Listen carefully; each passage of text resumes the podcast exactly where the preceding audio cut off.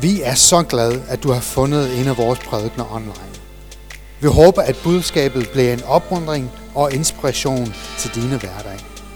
Er du glad for det, du hører, så hjælp os ved at abonnere til vores kanal og del det med andre. Husk, du er altid velkommen på vores gudstjenester hver søndag kl. 10.30.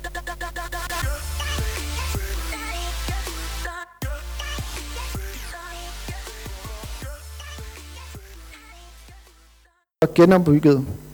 Og det var så ødelæggende for byen, at Rom, øh, som de hørte ind under, valgte at, at frigive byen for skat i fem år, for at de kunne fokusere på, på genopbygning. Byen havde også håbet på mere sådan praktisk hjælp fra Rom. Øh,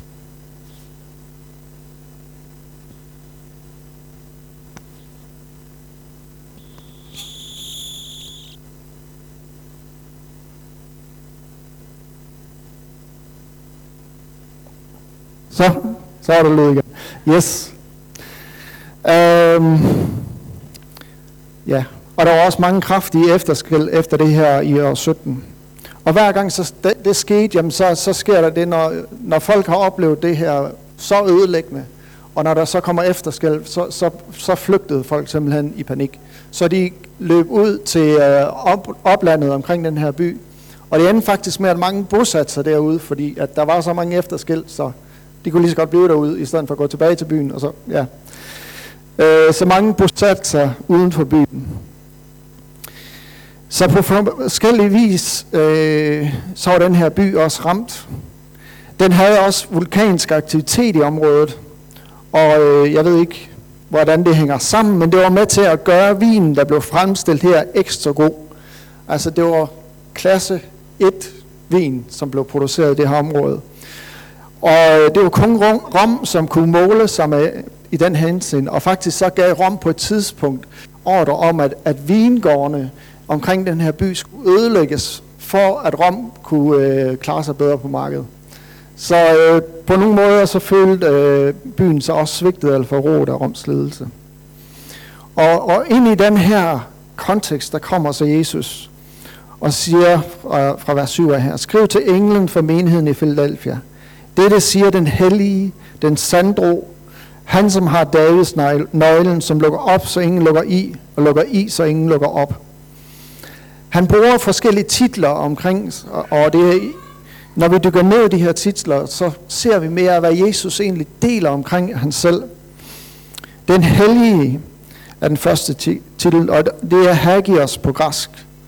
Det betyder at være sat til side, ærefrygtindgydende, unik, enestående, og det, det er ord, der bliver knyttet på Jesus, usammenlignelig, ingen anden som ham, uden sidestykke, ingen af hans lige, uovertruffen, perfekt i renhed og moralsk pletfrihed. Så det, det beskriver en øh, frelser, som er fuldkommen. En frelser, som er hellig.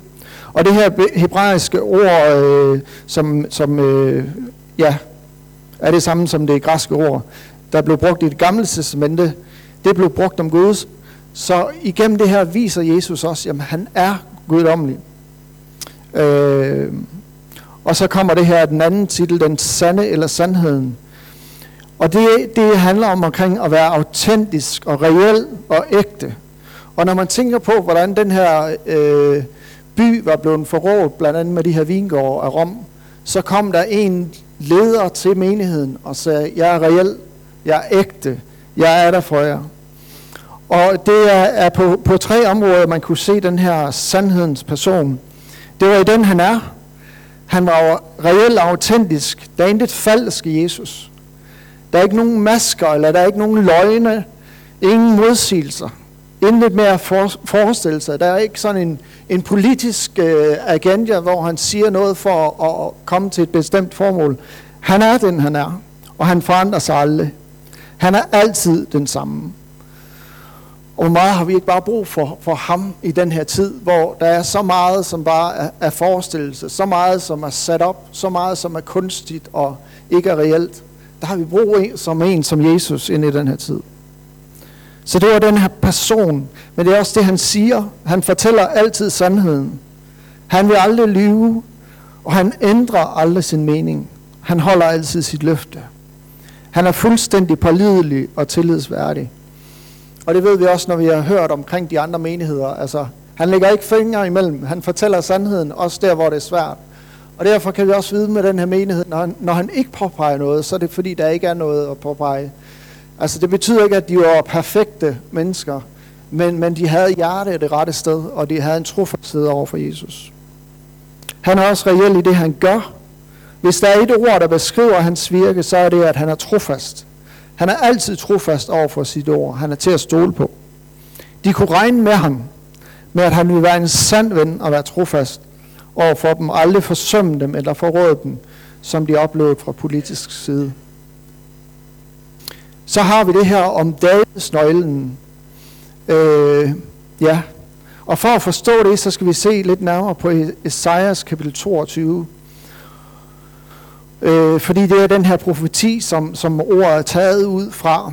Og det starter faktisk fra, kapitel, eller fra vers 15 og ned til 20, men det, det vil jeg bare lige kort genfortælle.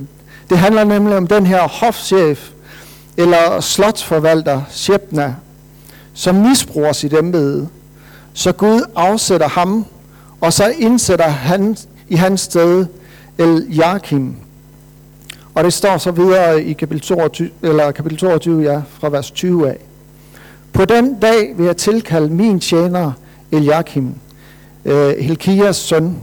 Ham vil jeg give din kjorte på, altså øh, taler tilbage til Shebna, og binde dit skærf om ham og overdrage ham din myndighed. Han skal blive en far for Jerusalems indbyggere og for Judas hus. Jeg vil lægge nøglen til Davids hus på hans skulder, og når han lukker op, skal ingen lukke i. Og når han lukker i, skal ingen lukke op. Jeg banker ham ind som en navle på et solidt sted, så han bliver en ærestrone for sin fars hus. Hele vægten af hans fars hus hænger på ham som kviste og blade, alle småting, både skåle og krukker. Så det her det er også et billede af den, som Jesus er. Det er en, en Jesus-profeti. Og øh, når jeg læser igennem det gamle testamente, så har jeg sådan en vane, hver gang jeg finder noget profetisk ord, så skriver jeg lige ud i marken Jesus. Så jeg efterhånden har samlet mange af de her profetier. Men den her havde, havde jeg ikke set, selvom jeg har læst igennem kapitlerne. Så for mig var det personligt også begejstrende. Og den handler netop omkring Jesus. Hans øh, stilling her øh, i Jakin kan sammenlignes med en kansler eller en borgmester. Og vi, vi ved, borgmester nogle gange så bliver det vist med den her kæde omkring halsen med en nøgle. Altså, og det er med til at vise deres magt og autoritet. Og så havde på samme måde havde Eliakim fået nøglen, og han havde den højeste autoritet i retten. Og det var ham, som også gav adgang til kongen. Og hvis han sagde ja, var der ingen, der kunne sige nej. Og hvis han sagde nej, var du ikke i stand til at se kongen. Så den her mand, han åbnede og lukkede døren til kongens nærvær. Og det er, det er en fantastisk messias profeti om Jesus også, fordi Jesus han siger i Johannes 14, 6, Jeg er vejen, sandheden og livet. Ingen kommer til faderen uden ham. Igennem Jesus, der åbner han eller lukker døren ind i Guds nærvær. Og det fantastiske, det er, at han har åbnet adgangen. Øhm, men den her profeti er afgørende for at forstå det, som, som øh, Jesus siger til den her menighed. Den her autoritet og den kraft, som ligger i hans ord. Omkring de her åbne og lukkede døre. Fordi de kristne i Philadelphia, øh, der var det her med åbne og lukkede døre noget, de forstod. De kristne i Philadelphia havde nemlig oplevet udelukkelse fra synagogen, og meget af de forfølgelser og lidelser, de oplevede fra jøderne, kom øh, i, ja, igennem den her satans synagoge. Og det er ikke fordi, at de er, de er satanister, altså det er ikke det, vi taler om. Men vi forstår, som vi forstår dem i dag, men de er jo modstandere af en kristne tro. Og Satan brugte dem som et redskab, hvor igennem han kunne forfølge og genere de kristne. Og det, som der skete, det var, at synagogen lukkede døren. De blev udelukket fra fællesskabet med synagogen, fordi at de bekendte Jesus og bekendte, at han var Gud, og at han var Herre. Så på den her måde blev de udelukket fra det sociale liv, og de oplevede en, en stor social skam, også i byen. Men der var en endnu større pris, og det var fordi, at jøderne, som har en tro, der rækker langt tilbage i historien. Der har Rom sagt, at jøderne var fritaget fra at skulle til kejseren. Og de havde øh, officielle register inde i synagogen for deres medlemmer. Så hvis der kom en romer og sagde, at han skulle tilbede kejseren, så kunne jøden sige, at mit navn står i det register, og jeg er fritaget for det. Og ved at de kristne blev udelukket øh, fra, fra den her synagoge og lukkede døren, blev de slettet af det her register. Så deres liv kom i fare. Så det var ikke bare noget omkring social og, og være i et netværk eller ej, men det var deres liv, øh, som de, de øh, oplevede. Og, og, og Jesus han kommer til den her menighed i den her situation, hvor de oplever, at det er en pris, og det koster. De oplever, at det er svage, og de har ikke, ikke mange kræfter. Øhm, og der kommer Jesus og taler ind i, i den her sammenhæng. Og han siger fra vers 8, jeg kender dine gerninger. Jeg har lukket en dør op for dig, som ingen kan lukke i. Og jeg ved, du har kun svage kræfter, og dog har du holdt fast ved mit ord, og ikke fornægtet mit navn. Han siger, jeg kender summen af det, som der er sket. Jeg kender din fortid. Og jeg kender, hvad der er sket op til det her punkt. Men nu kommer jeg også til at fortælle dig, hvad der kommer til at ske herefter. At jeg lukker en dør op for dig, som ingen kan lukke i. Det er ikke fordi, at de var stærke superkristne, men de var tro mod Jesus med den styrke, de havde. Og det, at de var, var svage, betød ikke, at de var hverken lunkende eller vildfarne.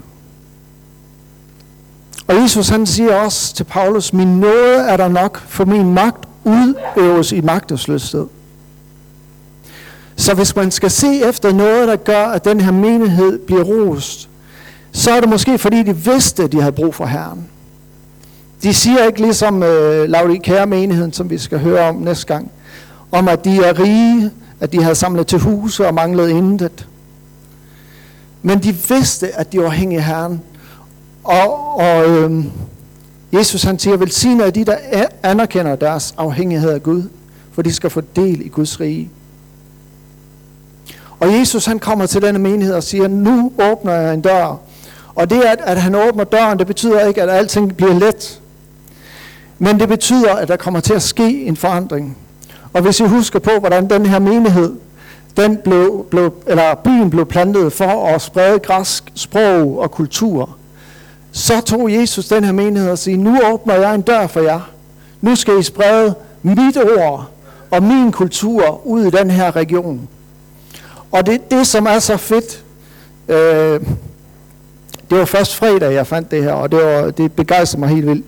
Det er, at nogle gange, så kan vi høre de her ord, og så kan man tænke, jamen, hvad, hvad sker der egentlig bagefter? Hvad, hvad betydning har det for menigheden? At de får de her ord, at Jesus siger, jeg, jeg åbner en dør for dig.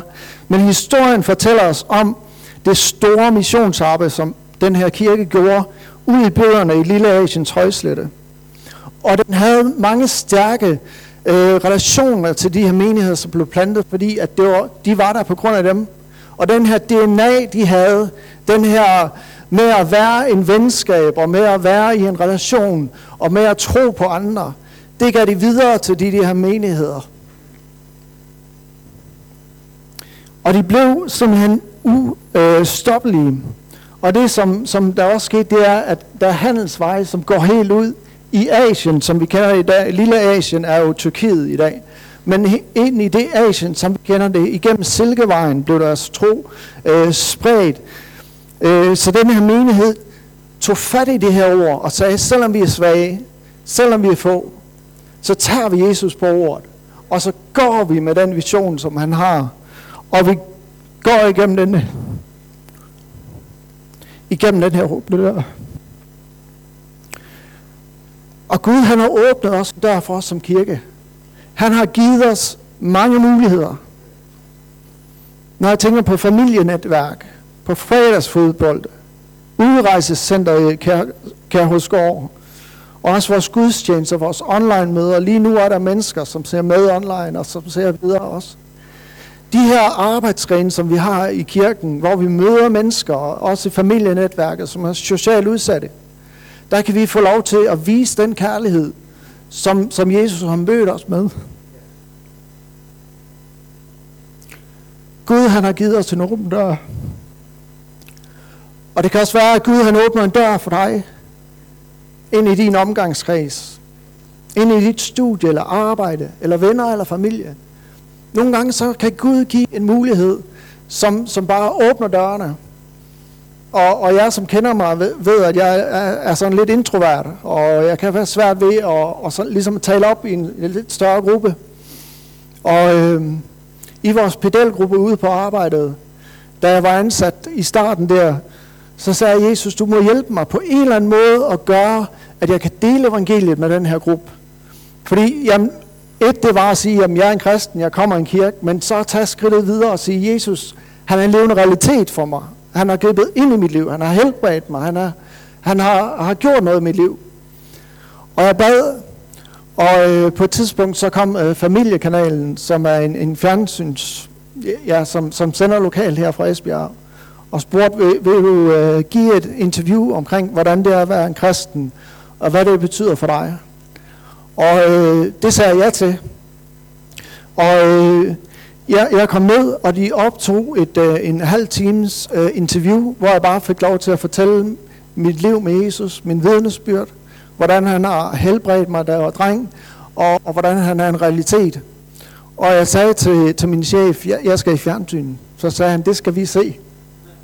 Så øh, middagspausen, efter at vi har fået den, jeg, jeg fik en DVD med hjem med interviewet, så, så satte han den på i en middagspause. Og så sagde han, hele gruppen skulle se, hvad, hvad, hvad øh, jeg gik og lavede i min fritid. Så de hørte på et halvt times øh, vidnesbyrd og prædiken omkring, hvem Jesus er, hvad han gør. Så det, at jeg ikke selv kunne ligesom at løfte min røst, sætte ord på det, Jesus han åbnede en dør stadigvæk. Og på samme måde kan han gøre det igennem dit og mit liv, ind i vores familie, ind i vores venskaber. Der kan han være med til at bruge dig nøjagtigt, som du er. Og Jesus han handlede på den her menighedsvejne, og, og igennem det ser jeg også bare hans hjerte. Hvor han siger, men jeg vil give dig nogen fra satans synagoge, som påstår at være jøder og ikke er det, men lyver. Jeg vil få dem til at komme og kaste sig ned på dine fødder og indse, at jeg elsker dig. At Jesus han gik ind og handlede på den her menighedsvejne. Og muligvis var det her også igennem evangeliet, at, at, at der også var jøder, som blev frelst der. Øhm. Og det, som de her jøder kom til at se, det var det, at Jesus han elskede dem. Det var ikke det, at de var en sand menighed, selvom at den kontrast kan man se i kapitel eller i versene. Men det var Jesus, han elskede dem. De mødte hans kærlighed og så det igennem det. Og Jesus han siger videre i vers 10, fordi du har bevaret mit ord om udholdenhed, vil jeg også bevare dig i prøvelsens time, som skal komme over hele jorden, ride for at prøve dem, som bor på jorden. Det er ikke det, at de vil undgå prøvelser, men Gud vil bevare dem i prøvelserne. Og, og nogle gange så tror jeg også bare, at det, det er vigtigt at, at have den pointe med. Det at de fik en åben dør og oplevede de her ting, det gjorde ikke, at de var fri for prøvelser. Men Gud var med dem. I salme 91, 15 står der også, jeg er med ham i trængslen. Jeg befrier ham og giver ham ære. Gud er med os i trængslen. Nogle gange så kan vi tænke, hvis vi bare havde tro nok, hvis Jesus bare viser os noget nok, så slipper vi for prøvelser og trængsler. Men noget, som er endnu vigtigere at vide, det er, at han er med os i prøvelserne. Han er med os i trængslerne.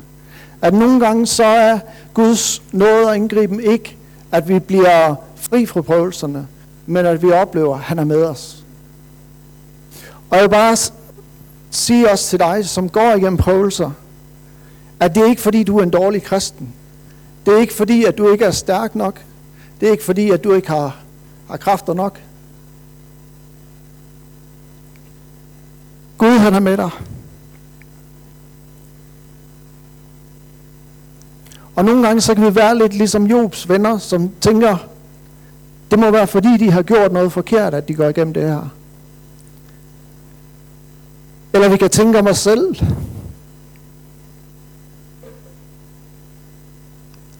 Jeg oplever, oplever sikkert det her, fordi jeg har gjort noget galt. Men så længe vi lever i den her faldende verden, så vil vi opleve trængsel. Og det, at, at Gud er med, betyder ikke altid, at der sker den her afslutning på det, som vi gerne vil ønske og håbe på. Vi ser det med, med, med Peter og Johannes Støberen. Peter, disciplen, bliver, bliver sat i fængsel for sin tro, og menigheden beder for, for ham. Og Peter oplever, at der kommer en engel og puffer til ham og siger, at det er tid til at gå ud af fængslet nu. Og, og Peter, han tror først, det er en drøm. Det er først, da han står uden for fængslet, han tænker, hey, det her det er faktisk rigtigt. Jeg blev sat fri. Johannes Støberen bliver fængslet. Men han bliver ikke befriet. Han endte sin dage i fængslet og, og betalte med sit liv. Og det er ikke altid, at vi får den afslutning på tingene, som vi godt kunne tænke os. Men det betyder ikke, at Gud ikke er med os. Jesus han siger om Johannes, at han var den største af menneskefødte, eller af kvindefødte. Altså han var den største, som var indtil til den tid. Og alligevel så slutter hans liv på den her måde.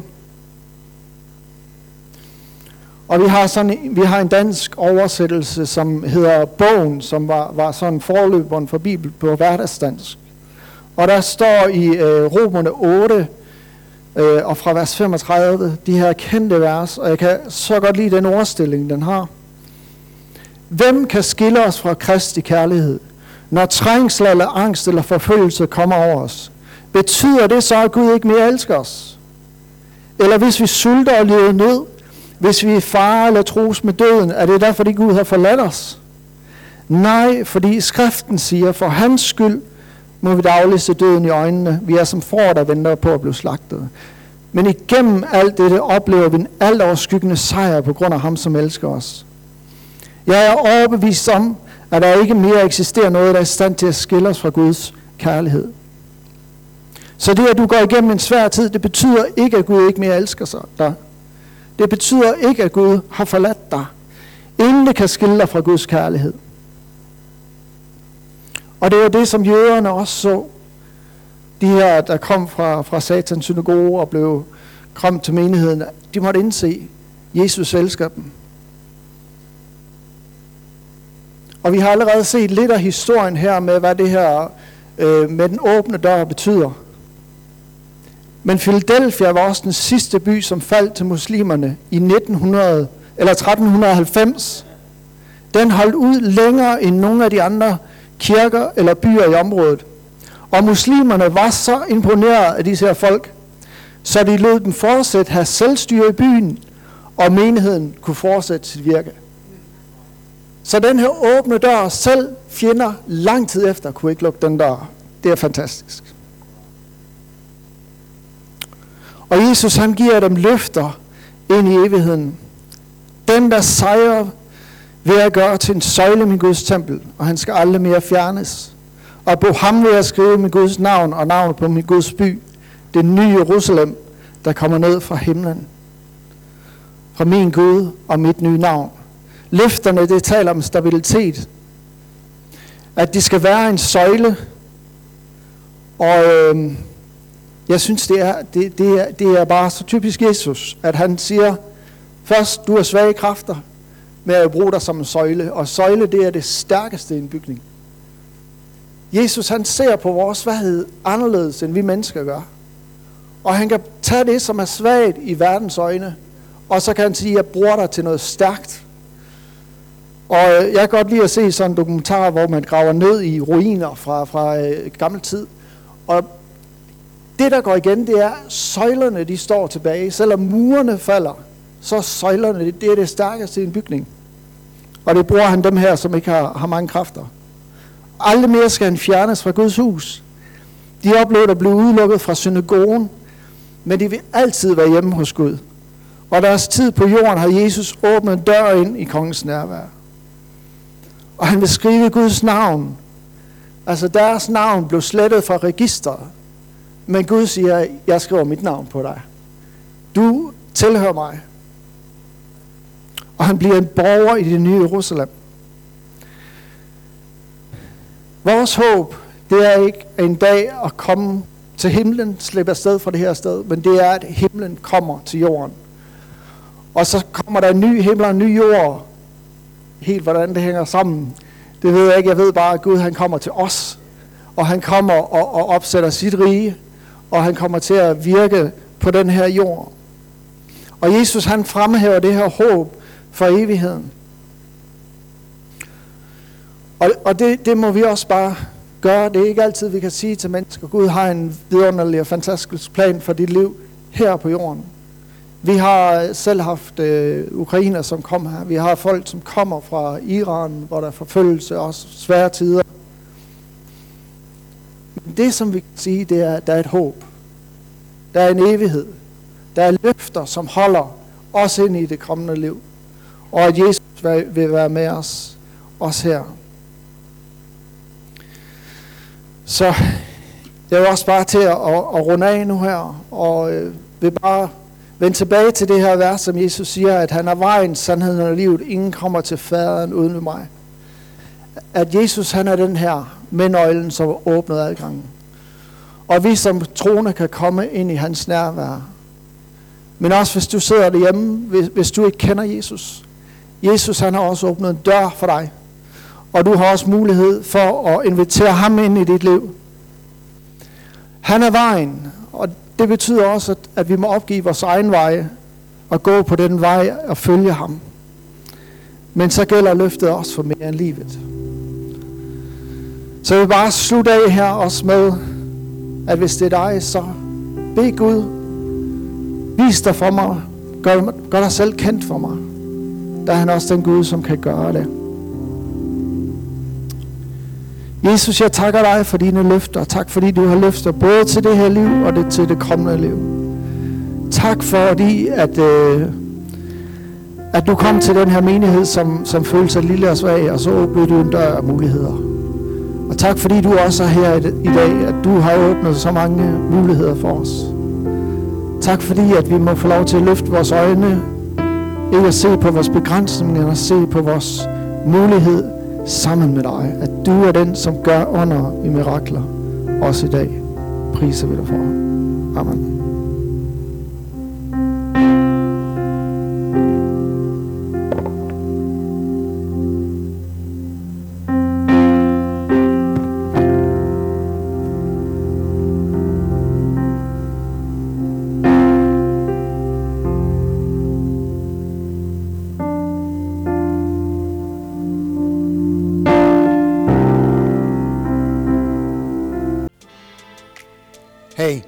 Tusind tak, fordi du har lyttet til en af vores prædikner.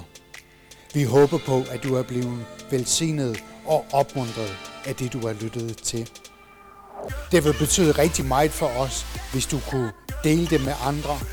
Eventuelt skrive en kommentar eller abonnere til vores YouTube-kanal. Men tak for i dag, og Guds fred.